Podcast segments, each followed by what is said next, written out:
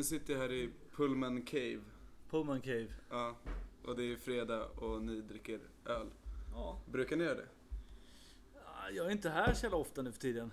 Eh, förr i tiden var det mer ett vanligt förekommande så här, härligt inslag i fredags eftermiddagen. Men eh, nu för tiden är man ju oftare i Karlstad på hemmaplan och kör fredagsmys med familjen.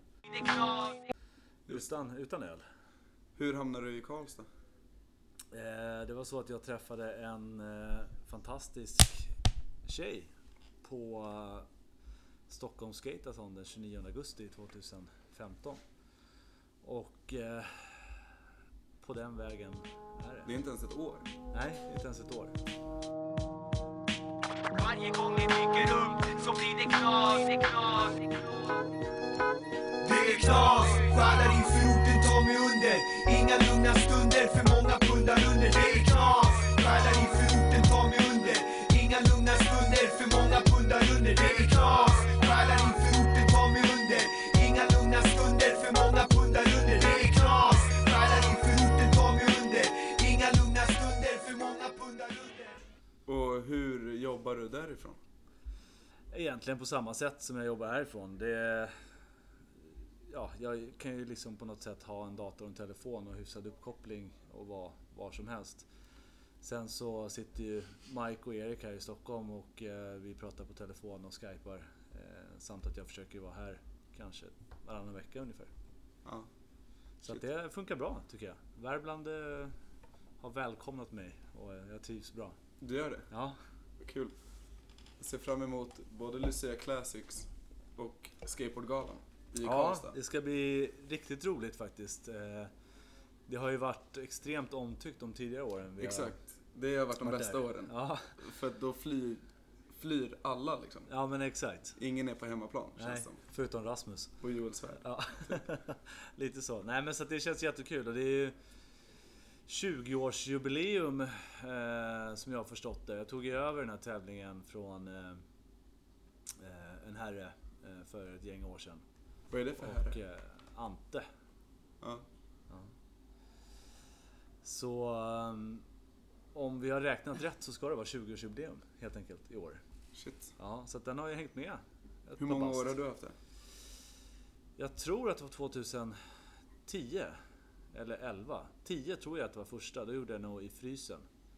Det var samma år som jag gjorde första svenska skateboardgalan. Ja, men det borde ha varit 2010. Mm. Eh, Då var det frysen. Och sen så var skategalan på Kolingsborg senare på kvällen. Eh, Och hur ser galan ut i år? Är du peppad på den? Ja, men den är man väl alltid peppad på. Eh, vi kommer väl eh, börja jobba med den mer efter sommaren. Det är ju fortfarande ganska lång tid kvar till december. Och eh, vi har väl liksom mallen och för både Lucia och galan är ju egentligen densamma. Ja. Se till att ha en jävligt rolig och underhållande kväll. Eh, bra folk, mycket bärs och ja, hylla de som har gjort eh, bra saker under det gångna året. Liksom. Just det. Så att eh, det, kommer inte bli några, några stora ändringar bara för att galan helt plötsligt är i Karlstad. Nej. Nej. Nej, jag är lika peppad där på att den hålls på annan ort liksom. Men jag tänker det, många kan ditt namn i Skateboard-Sverige. Mm. Men kanske inte din historia idag. För det är mycket kids och så. Ja, kan det. du berätta typ från, vart är det från? Norrtälje? Mm. Eh, jag kom till Norrtälje som fyraåring från Spanien. Eh, och eh, hittade brädan tillsammans med massa vänner när jag var nio år. Och eh, ja, började skata. Vet som man är som kid. Liksom. Man hittar någonting som är kul och så var det så roligt så att man bara ville göra det mest hela, hela tiden. Eh, sen som tonåring så håller man ju på, eller många som jag, håller på med många andra sporter. Jag spelade golf och fotboll och pingis och biljard eh, var väl det man höll på med. Eh, och sen när man blev lite äldre så började man sålla bort de här sporterna som kanske inte man var lika bra i eller som var lika roliga. Så det blev fotboll, golf och skate. Tills jag var någonstans runt 15-16.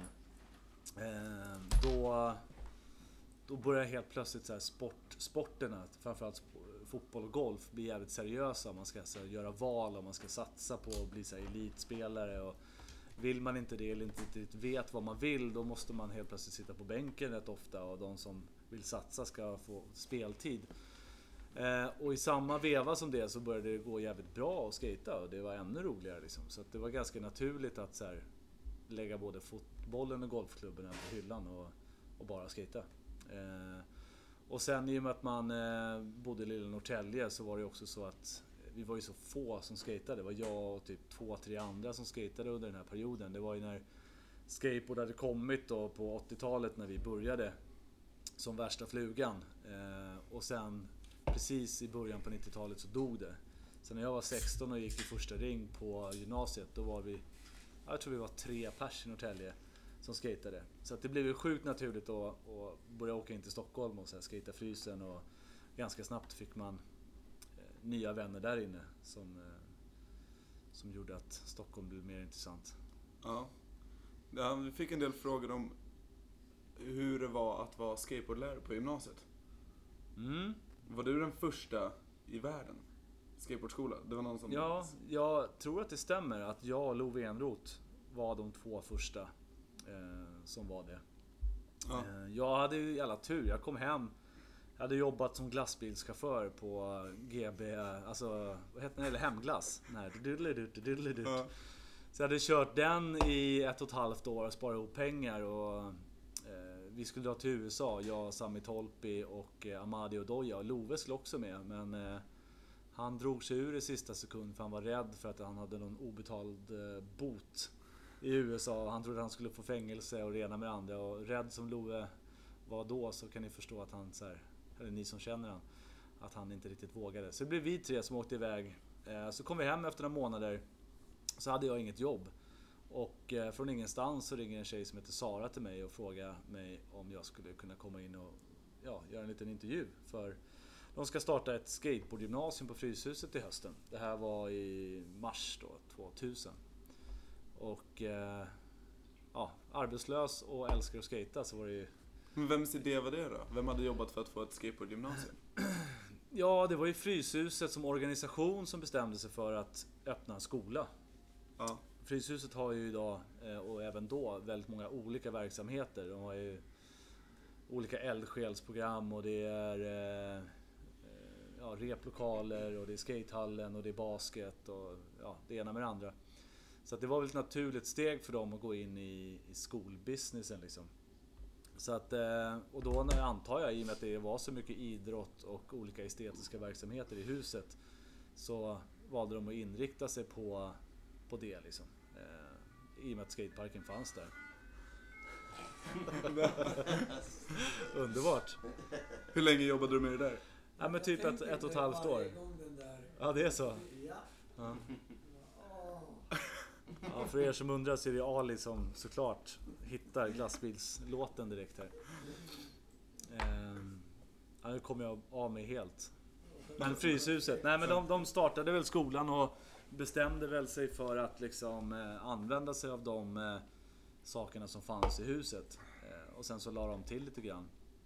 Och ja, jag åkte på den här intervjun och sen så fick jag senare reda på att Love hade varit där och så sa både han och jag ja. Och sen var vi igång hösten 2000 och så kom första klassen och då var det ju Ola Lövber och gänget som, Shit. eh, som var första gänget in. Så det var ju rätt coolt. Man kände ju många av dem liksom sen innan. Ja. Eh, Men eh, ja, första året var ju var speciellt. Var du bra som lärare då? Ja, men jag tror det. Eh, det var ju så här. Jag skulle inte säga att jag var ju inte utbildad någonting egentligen i pedagogik eller i eh, ja, någon form av träning liksom på det sättet. Man visste ju hur man skulle genomföra väldigt många trick och även de tricken man inte kunde eller kan kan man ju förstå hur man bör göra och man kan ju se hur folk ska göra dem. Eh, Så det är väldigt lätt att komma med tips och råd. Eh, Sen just de här första åren på skolan var det ju ganska svårt att vara, vara lärare eh, oftast eftersom man blev ju oftast en kompis. Ja. Ehm, Dels för att jag bara var 21 år gammal när jag började jobba där. Och eleverna var ju 16 eller 17 år. Så att det var inte så många år emellan oss. Och många av oss då som Louis och Ola och Filip Söderlind och Martin Pennlöv alla de här eh, hade man ju träffat och skatat med tidigare. Så att vi var ju redan kompisar liksom. Eh, Olof Hörnesten också. Eh, men eh, så att vi blev ju rätt tajta det var ju svårt för dem att ha någon så inbyggd respekt helt plötsligt när jag skulle vara lärare. Ja. Så att, eh, men det var roligt. Det var roligt mest hela tiden. Eh, sådär. Så att, eh, men för att svara rent på din fråga så det tog nog några år innan jag kan säga att jag var en bra lärare. Kanske. Okej. Men hur många år jobbade du? Eh, Nästan tio, nio och ett halvt år. Shit, Ja. det är lång tid. ändå. Lång tid och en jävla massa elever. Ja. Eh, faktiskt, med åren. Är det någon du är nöjd över? Någon du har lyckats så här? Ja men massor. Jag menar titta på liksom. Nu har det kommit en ny generation från alla de som har liksom fötts från Fryshusets kunskapsgymnasium som det hette från början. Eh, Men liksom Ola och Olof och Louis och Filip och Pennlöv. Eh, Sen har du ju Mika och Johan Florell och alla de som också gick eh, hos, hos oss. Så att det är, det är en hel drös. Hade du Granvall också? Gick han det? Gjorde han det? Ja, det gjorde han va? Nu blir jag fan vad pinsamt om jag minns fel. Jag tror kanske inte att han gjorde det, eller om han gjorde det en, en, en kort period. Nej, jag minns fan inte. Men när började du göra massa skatefilmer och sånt? Eller jag vet inte ens om det är massa. Mm. Tre filmer snickrade jag ihop. Ehm, och första filmen gjorde jag 99 tillsammans med en kille som heter Daniel och en annan kille som heter Viktor. Och eh, det kom i samband med min första knäskada. Jag har dragit av tre korsband i knät och pajat mina fyra meniskrer. Så jag har varit in och ut på, på de olika Eh, sjukhusen eh, titt som tätt. Men med första knäskadan, när jag insåg att shit, det här kommer ta lång tid innan jag får skata igen. Så eh, köpte jag en videokamera och började filma för jag tyckte att så här, jag måste ju... kan inte bara sitta och titta på liksom, jag måste göra någonting också. Ehm, så då började jag filma och sen så efter något års filmning så eh, vad fan ska vi göra med allt material? Vi måste ju sätta ihop det här på något sätt. Och det var då jag kom i kontakt med, med Dan och Viktor och så gjorde vi första filmen Higher. Ehm, Och eh, det var skitkul. Så att, eh, sen gjorde jag då en film varje år, tre år i rad där. Var du skadad hela den perioden? Nej. Ehm, utan till andra filmen, då skatade jag och filmade. Och samma sak för, för tredje filmen. Sen kom nog nästa knäskada igen tror jag. Ehm, Och vad gjorde du då?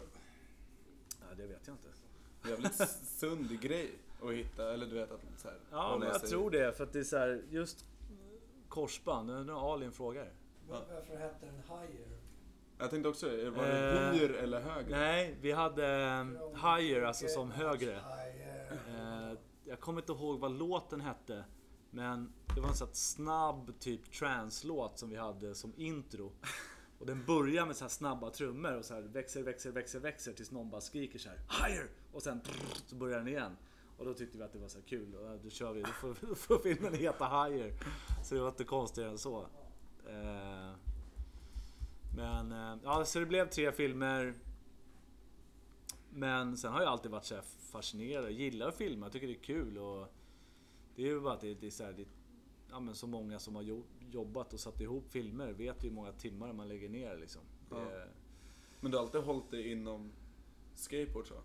I filmintresset eller? Ja, jag, när jag var liten som barn gjorde vi massa roliga så här, kickersfilmer och ja, allt möjligt. Vi höll på att filma och larva oss liksom. Eh, Så det har väl varit en så här, en liten så här semi-hobby som har följt med. Får vi se om det blir någon, någon, någon fler filmer i framtiden. Det vore jävligt kul om du gjorde det nu. Eller vet, plocka ihop ett gäng och började filma. Ja, ja nej, jag vet inte. Jag och Simon snackade om att göra en afterskate-film förra året men eh, tiden rinner iväg liksom. Det, är- allting tar för mycket tid så man måste börja välja vad man vill göra. Det, det var inte som för 20 år sedan när man bara kunde... Ja, när började du känna att du måste prioritera? Ja, men man känner väl det i och med att man så startar eget. Eh, man får ju välja liksom hur mycket man vill jobba. Eh, men det handlar ju i slutändan om på något sätt att man måste jobba så pass mycket så man har råd att föda sig själv och betala hyra och ja, kunna leva liksom. Och eh, sånt blir ju bara påtagligare och påtagligare desto äldre man blir för att eh, tyvärr allt blir bara dyrare och dyrare liksom. Eh, man får, eller man får, man, om man träffar någon till exempel eller man skaffar barn eller du vet, livet har en tendens att eh, dra iväg i kostnader. Eh, Ja. Men det blev perfekt då. När blev du entreprenör? Ja, jag vet inte om man ska definiera det riktigt. Om man ska definiera det med att man börjar göra egna, egna jobb eller egna uppdrag och utöver att vara anställd. Eller om man ska göra det när man försörjer sig själv helt. Eh, Hur började du? Eller vilken ände liksom? Var det något event du höll? Eller? Ja, egentligen eh, så var väl kanske det första eh, ett camp som jag gjorde tillsammans med Ricky Sandström. We Skate Camp. Och det var 2000. Erik, du var ju på det. Du var ju på första... Va? Där var jag också tror jag. Är det så? Ja. Jag var ett år för ung. Men Är eh, ljög mig in. Nej men så att eh, jag skulle vilja säga det om man inte tar de här filmerna då som kanske entreprenör eh, verksamhet. Eh, det var ju mest sid... Eh, det var ju bara en hobby liksom så. Och vi sålde ju inte direkt. Jag tror vi sålde lite filmer i och för sig men det var ju inte... Det var ju bara på skoj liksom. Det var ju på den tiden man fortfarande sålde VHS-band. Men... Nej men jag skulle säga att campsen. För sen efter första, första skatecampet så blev det en årlig grej. Och i och med att jag då jobbade som skateboardgymnasielärare så hade ju jag eh, betalda sommarlov. Och det var det som fick mig att så här, jag var alldeles för rastlös. Jag var tvungen att hitta på någonting mer liksom. Nu har Ali några frågor här igen. Men eh, Tacky då? När kommer det in? Ja, just det. Det kommer lite senare. Eh, det var ju till och med efter Fryshuset. Faktiskt. Nej men så skatecampsen kan vi säga. är första, första entreprenörstarten kanske. Ja. Och hur gick du vidare? Du kan ta det i så här kronologisk ordning. Eller det kanske Ja. inte alls kan. Men, Jo, det kan jag nog göra. Eh, det var ju två... Ja. Ja. Hur begav... Nej, fan så är fel. Hur begav det sig? Fan, är det du Va? alltid sa själv igen till alla andra? Ja. Hur var det det begav sig? ja, hur begav det sig? Ja. Det var den frågan jag alltid ställde till våra gäster i After Skate-podden. Ja. Eh, jo, fast eh, vi har ju bockat av den första delen. Men eh, hur det begav sig det där då? Då var det skatecamps med start 2006. Eh, sen gjorde vi We SE Skatecamps i... ja, Oj, hur många år var det? Vi gjorde 6, 7, 8, 2006, 7, 8, 9. Undrar om du gjorde 2010 också. Sen i samband med det här, jo men så borde det bli. 2009 var de sista med Wii. För det året så slutade jag på skolan för att börja jobba för Tacky. Då blev jag säljare och marknadschef på Tacky. Och då i samma veva så ville Sean Moe då som är VD för Tacky i Norge som driver alla de här olika .se och FI och vad de heter. Eh, sa det att men ska vi inte göra det här till eh, Tacky Camps istället? Och då tyckte väl jag att det var en bra idé för stunden. Eh, alla beslut man tar är ju inte alltid bra beslut. Var det inget bra beslut? Nej, det var inget bra beslut. Eh, Det visade sig framförallt att jag och den norske chefen inte alls skulle... eh, Ja, men vi såg inte saker och ting på samma sätt. Ni hade inte Vi samma vision? hade absolut inte samma vision. Och jag hade väl också tankar och idéer om hur jag tyckte att Tacky skulle liksom... Jag brukar se företag som en båt, liksom, att man vill att båten ska någonstans och det gäller att styra den på rätt sätt för att den ska komma dit.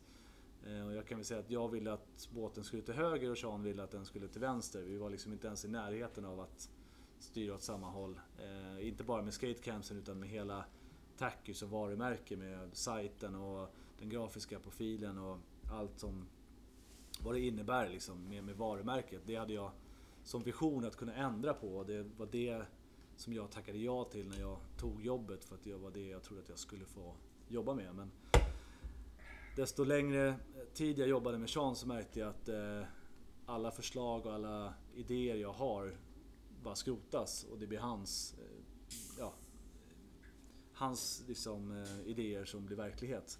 Eh, och då tyckte jag att då har ju egentligen inte jag någonting här att göra. För vid det här laget, vid år tre, så var jag VD för Sverige och skulle sköta den helt. Och ehm, då kände väl jag att här, det finns ingen anledning för mig att sitta här och ha det här jobbet om jag ändå inte får göra det jag vill göra liksom, och tror är bäst för varumärket. Var det så du hamnade i att driva själv? Ja, det var, jag sa upp mig från Tacky då eh, direkt efter, ja vi hade precis gått runt tre år tror jag. Så jag sa bara till Sean att det här funkar inte, vi får, vi gör slut. Så. Ja. Eh, och då startade jag mitt första och mitt nuvarande då aktiebolag. Eh, och sen har jag drivit det aktiebolaget till idag. Men har du varit duktig på att spara pengar och sånt? Jag tänker, vad är det man måste ha för att starta ett aktiebolag? Nej, det behöver inte så mycket. De har ju gjort om reglerna. Eh, vid den här tiden när jag köpte aktiebolaget hade det nog precis, precis ändrats tror jag. Från att man måste ha 100 000 i aktiekapital till bara 50 000 i aktiekapital. Och eh, vid den här tiden så hade jag en hel del pengar sparat så att då tyckte jag att det säkra valet för mig, i och med att jag inte hade någon delägare. Om man har delägare så kan man ju starta ett eh, handelsbolag till exempel. Och jag tyckte att min business var alldeles för stor eh, och jag hade för mycket fakturer och papper för att jag skulle riskera det på en enskild firma. Och då är det naturliga valet att, att göra ett aktiebolag av det. Ehm, ja, så så. Och vad var din businessidé då? Businessidén var ju framförallt att eh, specialisera sig inom skateboard-events. Liksom. I och med att det egentligen bara är, eller då i alla fall, eh, jag och John Magnusson, ett, kanske ett, ett par till som, som arrangerar så här, den större typen av events. Och vid det här laget så hade jag ju också fått upp en lite bredare portfolio med events. Jag gick ifrån att bara göra skatecamps till att göra skatecamps, skategalan. Sen blev det skatecamp, skategala, Lucia Classics. Och sen så fyllde vi på med skate på Liseberg. Och sen nu blev det också Stockholm Skateathon för tre år sedan. Eh, I år har vi ytterligare ett nytt event som heter Väla Skate Open. Vi sitter och jobbar med två stycken stora gaming-event för 2017 just nu. Och skatecampsen också så här utvecklas och blivit... Säger gaming-event? Ja. En annan passion hos mig är ju gaming. Jag älskar ju att spela. Eh, Ja. ja, men allt från datorspel till tv-spel. Eh, jag tycker det är kul med spel. Och när jag jobbar så gillar jag att jobba med saker som man verkligen brinner för om man säger så. Eh, jag tror att det är viktigt oavsett vad det är man jobbar och vad det är man, man vill göra så tror jag det är en, en bra grund för att ha ett roligt jobb är att man jobbar med någonting som man gillar att göra. Ja. Eh, vilket är jävligt lätt att säga och svårare såklart att eh, få till. Jag är ju jävligt lyckligt lottad som har hittat någonting att jobba med som jag älskar att jobba med och få jobba med framförallt massa människor man känner och tycker om. Och du vet, det, är, det är bra och kul på alla sätt och vis. Ja. Men jag tänker, du då som entreprenör inom skateboard, evenemang och sånt. Hur förhåller du dig till, för det finns ju en otroligt så här hård core-scen inom skateboard. Hur förhåller du dig till typ OS eller sånt? Alltså jag förhåller mig väl till skateboard ut efter skateboardens utveckling skulle jag vilja säga. Eh, det finns två sätt att se på skateboardåkning och skateboard som livsstil idag. Och det är core-biten och det är den kommersiella biten. Det är två världar som är otroligt olika eh, men som vissa, som jag, tycker om båda. Vissa hatar den ena och älskar den andra. Eh, jag kan inte tycka att det finns någonting rätt eller fel i det. Eh, jag som själv som åker skateboard gillar ju personligen core-biten och jag uppskattar den mest för att det är den delen jag kommer ifrån. Eh, men när jag jobbar och med den erfarenheten som man har byggt upp med åren så är ju den naturliga delen för mig att kliva in i den kommersiella biten för att det är trots allt tack vare den som gör att jag kan stoppa mat på bordet, tanka bilen, eh, dricka den här ölen. Det är bara på grund av det. Skulle jag enbart jobba med core-event som Lucia Classics och Svenska Skateboardgalan då skulle inte det gå ihop liksom. Det går inte.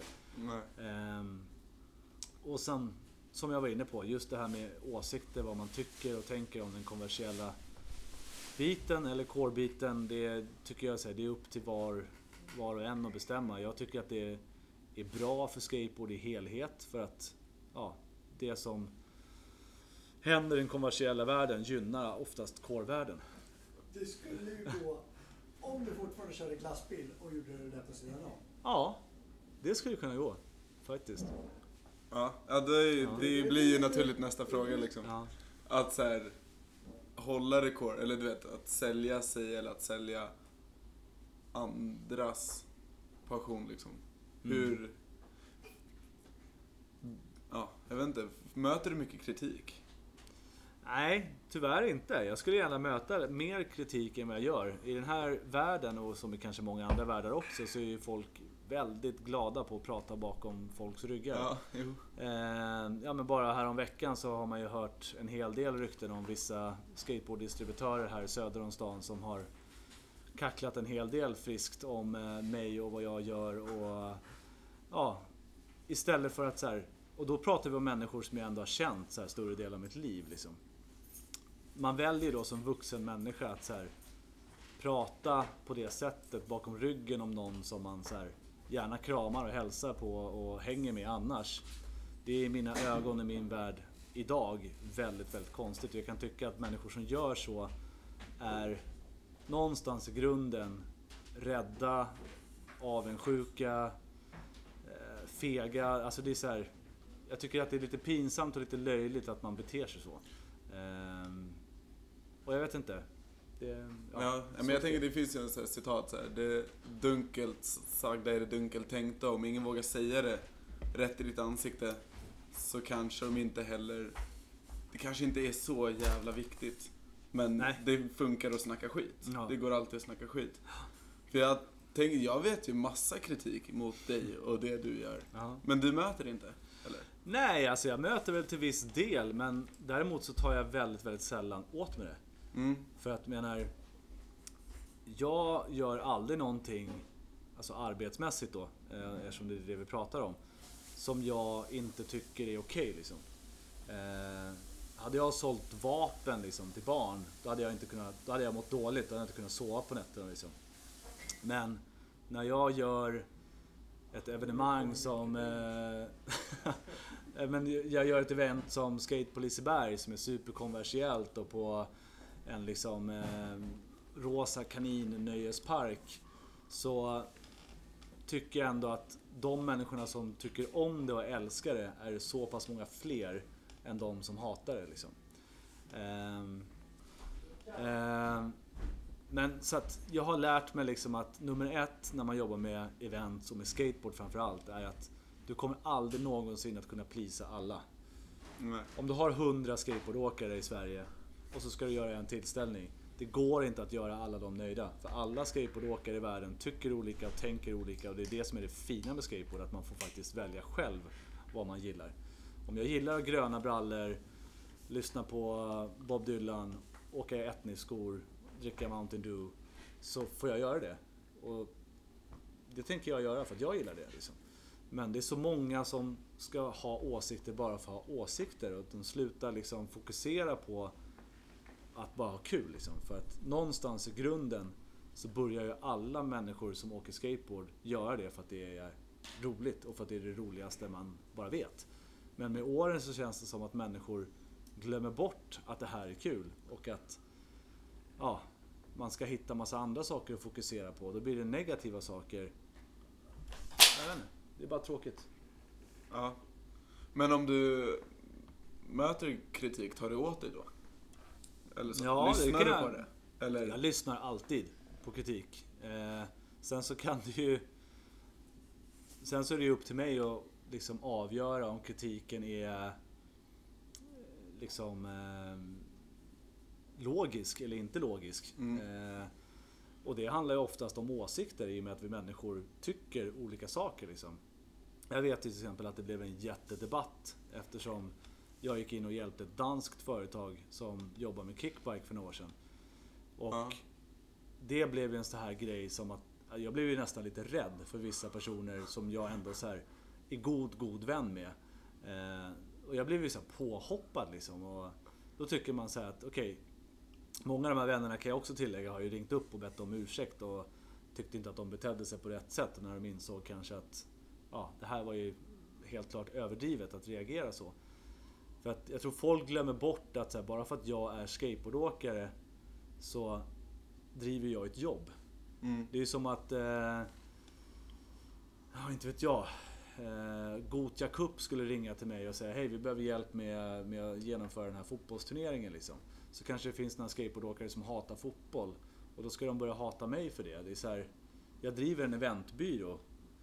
Vem har sagt att jag inte kan jobba med andra delar av liknande event? Liksom? Jag vet, folk hatar ju kickbike mer än kärnvapen typ. Eller du vet, Ja, men lite så. Och jag tror också att man hatar det så pass mycket så att man tänker inte längre än vad vissa snoppar är liksom.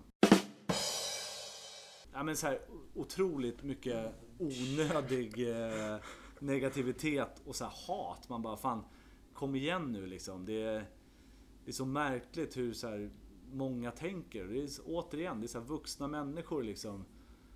Som bara tappat allt det logiska tänket. Jag, Mm. jag vet inte. Det är... Men jag, ja, du svarar nog många frågor där. Eller Ja. jag vet att du svarar många frågor där. Men eh, jag själv känner att jag har tappat det när jag inte bryr mig. Ja. För att jag faktiskt inte bryr mig. Alltså, jag bryr mig inte om Street League. Och jag kommer inte titta på det. Nej. Och jag kommer inte... Ja. Och så känner jag att jag det. Jag bara, Ja. det är en kickbike Ja. Och så bara... Ja, men det är barn som åker sparkcykel, skitsamma. Jag, så här, är de i parken så kan jag säga åt dem. Det är Ja, vägen. och det, det är också så här. eller- Vi var i Rålis eh, för några veckor sedan med familjen. Och då kan jag tillägga att jag har träffat den här tjejen och hon har två bonusbarn. Båda älskar att åka skateboard, den yngsta åker både skateboard och kickbike. Eh, och så här, vad ska man säga om det? Visst, jag tycker det är skitkul att han åker skateboard. Tycker det är mindre kul att han åker eller kickbike. Men det är inte så att jag kommer säga du Sami, det där får du inte göra. Nej. Det, det är så här, han är ett barn, han är sju år. Det är klart han ska få göra precis vad han vill göra liksom. Om det Mm. är en rolig grej. Och han garvar och har roligt. Ehm, och det är så märkligt bara hur... Eh, nu tappar jag tråden här bara för det, vad jag skulle komma fram till. Ehm, men jo, just det. Eh, vi var i Rålis och de höll på att åka i parken. Och tillsammans med dem så var det ju typ 3000 andra pers där. Varav 2998 var kickbikeåkare. Men då kan man ju undra så här när de här två andra skejtarna kommer dit den här tiden, en lördag. De är fullt medvetna om att det kommer vara exakt så här många kickbikeåkare i och med att det är det varenda lördag vid den här tiden. Då undrar man ju varför man väljer att åka dit. Ja. Då kan man ju åka någon annanstans. Men där är det väl skatare som har kämpat som fan för att få en skatepark. ja, ja. För den frustrationen förstår jag verkligen. Att man har jobbat i 15 år Mm. för att få en skatepark. Självklart. Och det förstår jag också. Men det är så här, den står ju där 365 dagar om året, 24 timmar om dygnet. Så man kan ju dra dit så efter klockan fem och det är typ halvtomt. Ja. Men jag typ- tänker också typ till kickbikeåkarna eller deras föräldrar. Så här, intresset finns ju. Mm. Vi har 2000 kickbikeåkare. Mm. Ni kan bara fråga om en park. Ja. Ni kan fråga om namn så kommer ni få 5000 namn. Mm. Bygg en egen park. Ja. Och Absolut. det jobbet vill man ju inte behöva göra åt Nej. dem. Och det skriver jag ju under på vilken dag som helst. Att det är inget snack om att det känns fel på det sättet. Att vi har kämpat. Jag menar jag har själv försökt få en skatepark i Norrtälje i 25 år liksom. Nu har de fått en park där och den är fylld av kickbikeåkare. Så tro mig, jag, jag Ja. delar det verkligen. Liksom. Ja, Ali. Om de får en kickbikepark, tro så fan med att jag kommer åka dit och osta. Jag kan, jag kan säga det att i Garanterat! Täbyparken så har de fått en kickbike-del för att så här dela upp det. Ja. Och den är ju roligare. Ja. Den är så jävla rolig. Ja, vadå kickbike? Ja. Stick. Det är väl... Tänk er vad de här kickbike-ungarna tänker man. Ja. Eller hur? Skate, kick, whatever. Ja. Ja, ja, jag, ja, jag delar det där också. Mm. Jag tror ju att, det, eller så här, jag fantiserade lite att folk kommer få äta upp att de har hatat kickbike så som typ, vi säger skater under Sheraton-garaget så här. Ja, precis. Också vara losers och Mm. outcasts. Ja, ja, och så här, små äckliga barn typ. Mm. Som ändå var jävligt coola, tycker man nu. Ja. Och så någon gång i framtiden så bara, den där jävla kickbike-åkarna kommer få någon Dogtown-film typ, hur de strugglar i skaternas parker och så här. Ja, ja, vem vet. Ja, det är antingen det eller så, så tokdör det som inlines. Ja, just det. Var det stort? Ja, det var det ju absolut. Det var ju också sådär, kom ju med liksom, jag var ju med i X-Games i massa år och det var ju väl snack om att det också skulle in i OS. Ehm, och det blev ju en sån exakt copy-paste av kickbike. Det var ju en sån superfluga där folk åkte inlines överallt. skaterna och inlinesåkarna typ slogs ju i gamla Fryshuset var och varannan dag liksom. Ehm, Louis Marnell var väl den enda som kom undan med att han hade varit inline pro innan han blev skate. Ja, han var duktig, eller? Ja, han var skit... Ja, ja visst. Men eh, så att det här är ju en ny sån fluga och jag vet inte, jag, nu har jag ju sagt det ganska många år i rad att det kommer att försvinna men Men varför försvinner liksom då inte sådana grejer som typ slalom? Och grejer som är Ja, men slalom har ju utvecklats, det är det. Det har ju blivit twin tip brädor det är Ja, därför ja. den har fått en så här stor revival igen. Liksom. Men jag tänker det finns väl någon local hero inlinesåkare i varje stad? Eller? Ja, det gör det ju. Men det finns ju inte 10 000 som det gjorde Nej. 1998 liksom. Men jag tänker det kanske blir samma sak som vi säger att skateboard dog på 90-talet. Mm.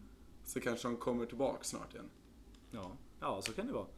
Nej men det är ju så, jag menar som Simon Stenborg alltid säger, det, allting går i cykler. Eh, skateboard generellt idag är ju inne i en extremt tråkig cykel tycker jag, där alla de stora blir större och alla de mindre blir färre. Mm. Eh, och det är också någonting som vi sitter och, när jag säger vi då, Erik Voxberg och Micke Olsson som jag jobbar med, att eh, ja, men så här, tänka på. För att helt plötsligt så finns det inte 60 butiker i Sverige. Det finns inte 40 varumärken utan du har typ Nike, Adidas, DC och Vans att jobba med. Du har några brädmärken. Eh, och på samma sätt är det inom många andra industrier. Ja, men jag, ja, för det, det är samma personer som vi säger hatar på Kick by Camp eller så, köper ju gladeligen Nike-skor. Och jag har Oh ju ja. ingen aning om vad Nike gör för något. De lär väl göra rullskridskor, eller du vet, Ja, vad säkert. som helst. Ja. Eller det, man har ingen koll. Nej. Jag tyckte det var spännande med det att du inte möter kritik så. Ja. Och sen att kickbike har va- faktiskt varit den största frågan. Alltså det har varit så här, genomgående det folk bryr sig om mest. Mm. Och jag har fått en fråga. Eh, varför har det inte varit en tjejklass i Lucia de senaste åren? Och vad gör du, Mark, för att göra skate-Sverige mer jämställt? Hmm. Eh, ja, vad ska man säga? Jag börjar med Lucia då. Eh, det har inte varit en tjejklass där för att Lucia Classics har varit så... Eller vi har ju för fan haft tjejklass där. Mm, före tror jag det har varit. Ja, jag tänkte precis säga det. När det var det. Nej men det har ju varit tjejklass. Eh, sen har det väl dessvärre varit extremt lite tjejer som har valt att vara med. Vilket är tråkigt. Eh, men jo, vi har haft tjejklass ett par tillfällen. Eh, har vi. Men eh, jag vet inte, det är otroligt få tjejer som vågar ställa upp, verkar det som. Nu har vi gjort ett nytt försök på Skate på Liseberg till sommaren här om bara två veckor. Eh, och jag känner att jag alltid har gett tjejerna, framförallt No Limit-föreningen, en möjlighet att, att vara delaktiga i det jag gör. Men i och med att jag är kille och har benkoll på den delen som jag har varit en del av hela mitt liv så har jag liksom lämnat så dörren öppen. Så att istället för att arrangerar tjejklasserna eller en tjejtävling eller ett tjejcamp så har jag alltid låtit dem vara inkluderade om de vill vara inkluderade. Eh, vissa gånger då som Lycée Classic så har det varit en tjejklass och som nu på Skate på Liseberg. Men och samma sak som skatelägerna med Wii och sådär. Vi har ju haft tjejer, det är ju liksom unisex. Om det har varit tjejer som har velat komma på våra skateläger så har ju de fått ett eget omklädningsrum och så. Men, eh, och jag är all for tjejer. Jag tycker det är svingrymt att de skater. Jag älskar att se den här uppsvingen av, av tjejskate. Jag tycker det är svingrymt. Så att jag försöker tänka på det och dörren har alltid stått öppen. Även om det är bakom kulisserna och folk kanske inte har sett det eller hört det. Ja, det. Ehm, Men det är ingenting du jobbar aktivt med? Alltså så här, en av dina topprioriteringar eller något att fokusera Nej, på? så det är det väl inte. Det, jag, jag hade en möjlighet att eh, göra det nu till Skate på Liseberg. Och eh, vi är jätteglada och stolta över att vi har fått dit Vanessa Torres och alla de andra tjejerna som ja, kommer dit för att tävla och, och hänga. Eh, Kommer hon till Skate på Liseberg? Ja. Shit. Mm. Fan, ja. Cool. Och eh, jag hoppas ju att den typen av tillställningar kan få många andra svenska tjejer att så här, shit, det här ser ju helt magiskt coolt ut liksom. Kan hon så kan jag.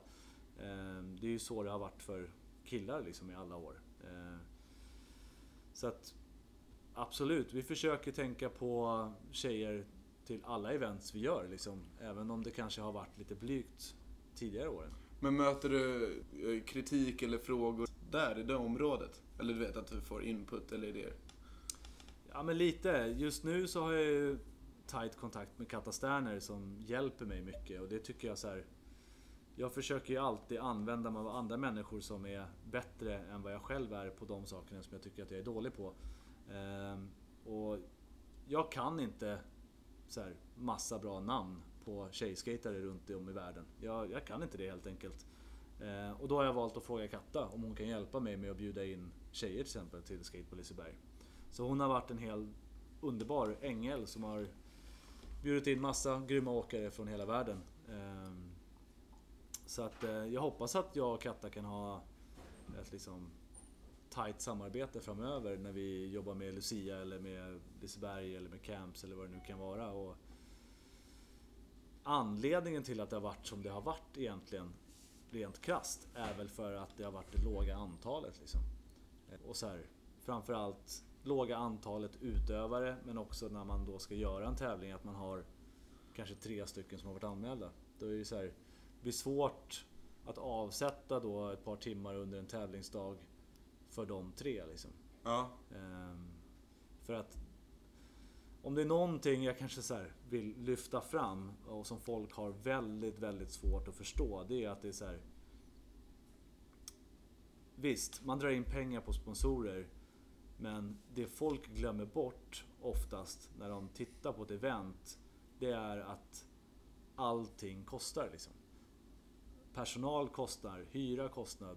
Det är liksom kostnader precis överallt. Så att få saker och ting att gå plus minus noll. Att köra några extra timmar på personal. Allting kostar sig hela tiden. Och jag tror folk har, som inte driver eget, de har väldigt svårt att förstå det liksom.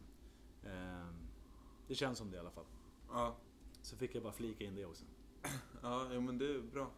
Det är mycket så i skateboardvärlden, tänker jag, eller ser jag, att man ska ha.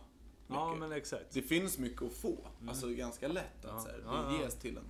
Men att... Och man förväntas inte göra någonting tillbaka det. Nej. Utan man ska bara få grejerna och tycka att det är... Men jag tänker just en sån sak som eh, jämställdhet eller att få fler tjejer att skata Så finns det ju vissa som har gjort väldigt mycket, alltså, och fått det att hända mycket.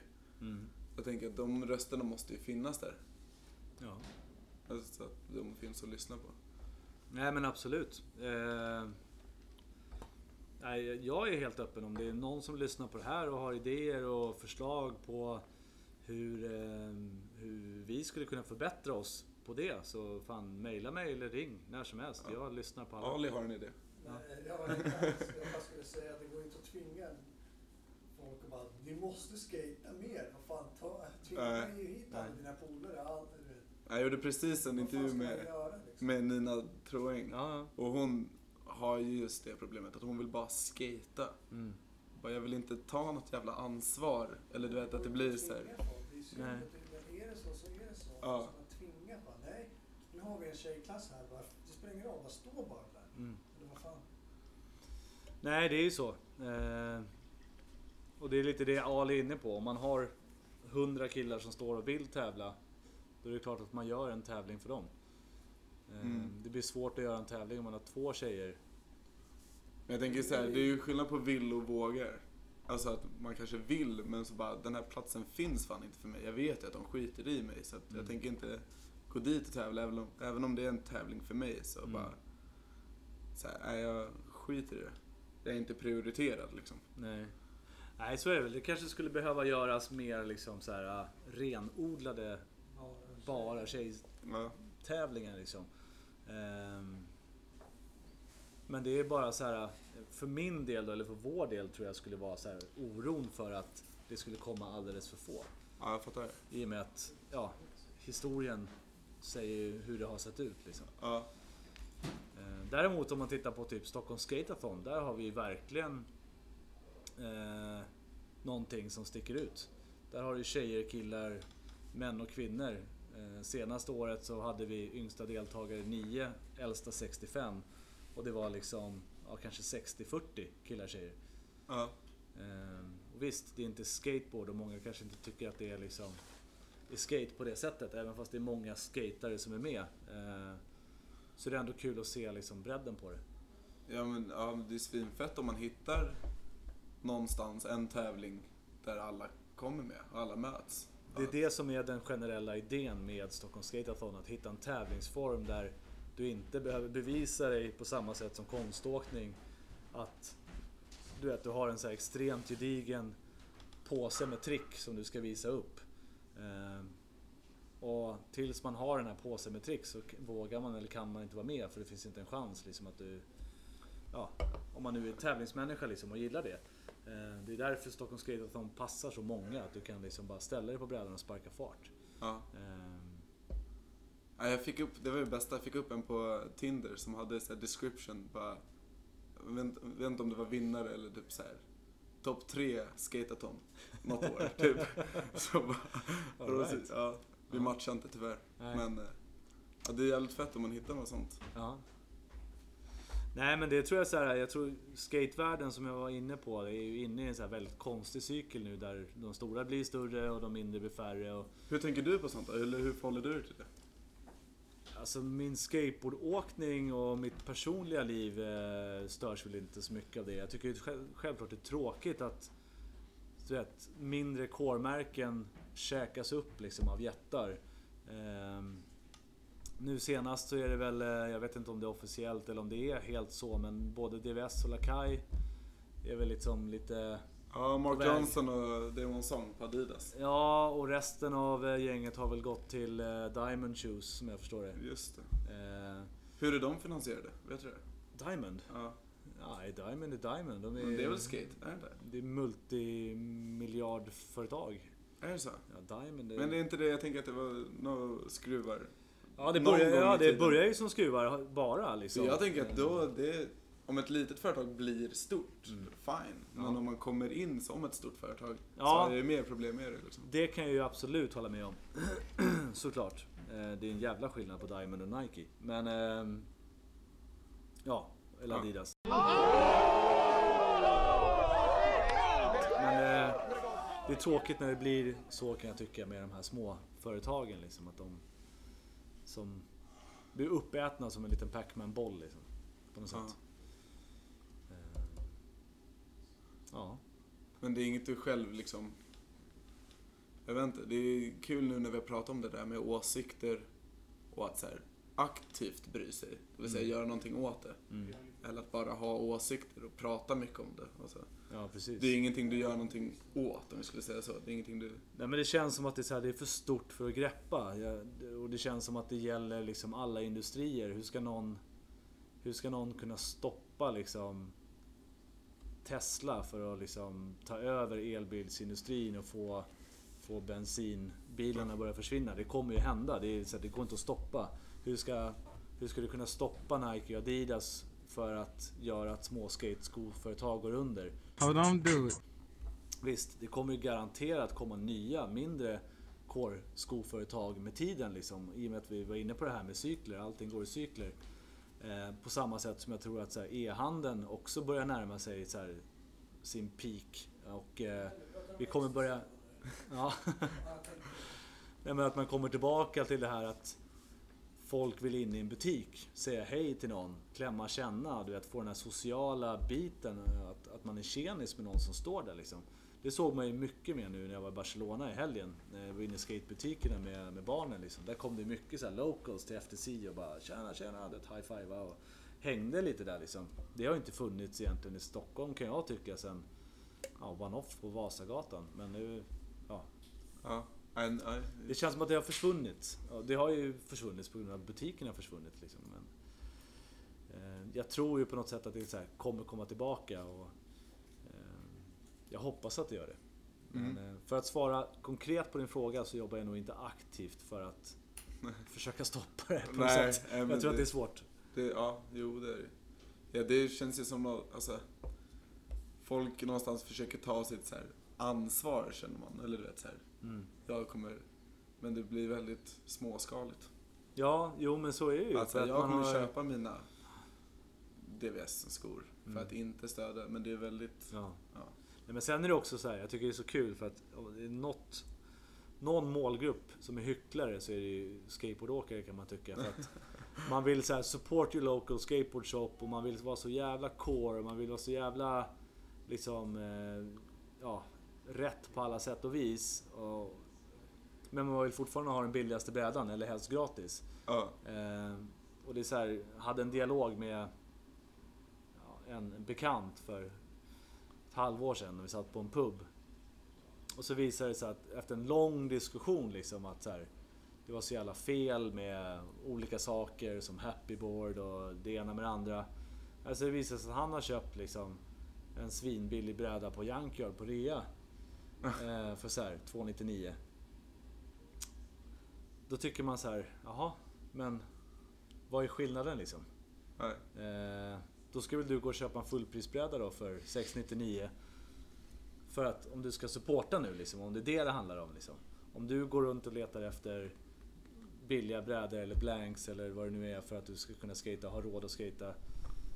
Vad är skillnaden? Ja. Eh, för att jag skapar ett märke som ska kunna tillfredsställa fler människor. Och för att få fler skatare liksom. För att det är på något sätt det som gynnar en bransch. Ja. Eh, Men då får du, vad är happy? Då får du svara här. Ja, jag trodde Joel Gunnarsson redan hade berättat allt. Oh my god. Ah, nej, jag vet ingenting.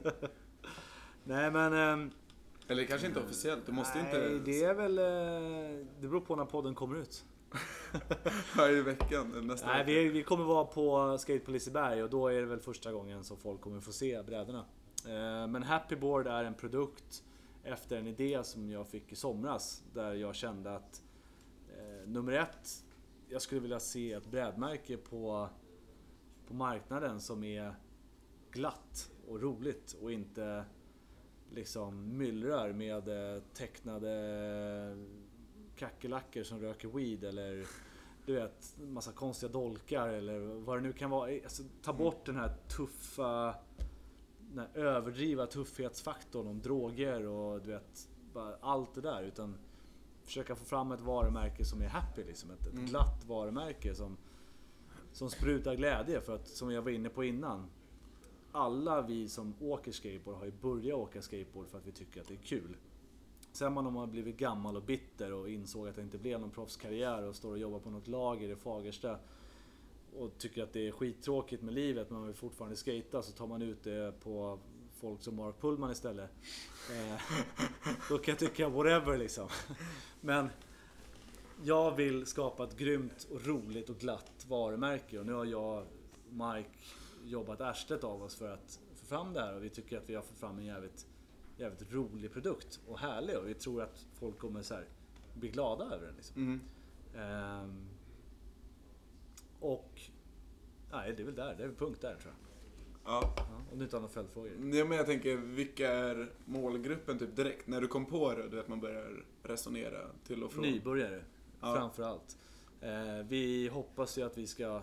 Alltså det som har hänt i skatevärlden är ju att nybörjarna idag är, inte är som när jag började åka skateboard, endast typ 10-15 år. Eh, idag är en nybörjare 4 år eller 54 år. Ja. Så att vi kände att vi behövde hitta eh, liksom en grafisk profil som ändå så här kan tilltala bredden. Liksom. Så att nybörjare generellt men också du vet, helheten av, av eh, människor i alla åldrar. Ja. Finns det någon förebild, något företag som har varit liknande? Nej, tror jag inte.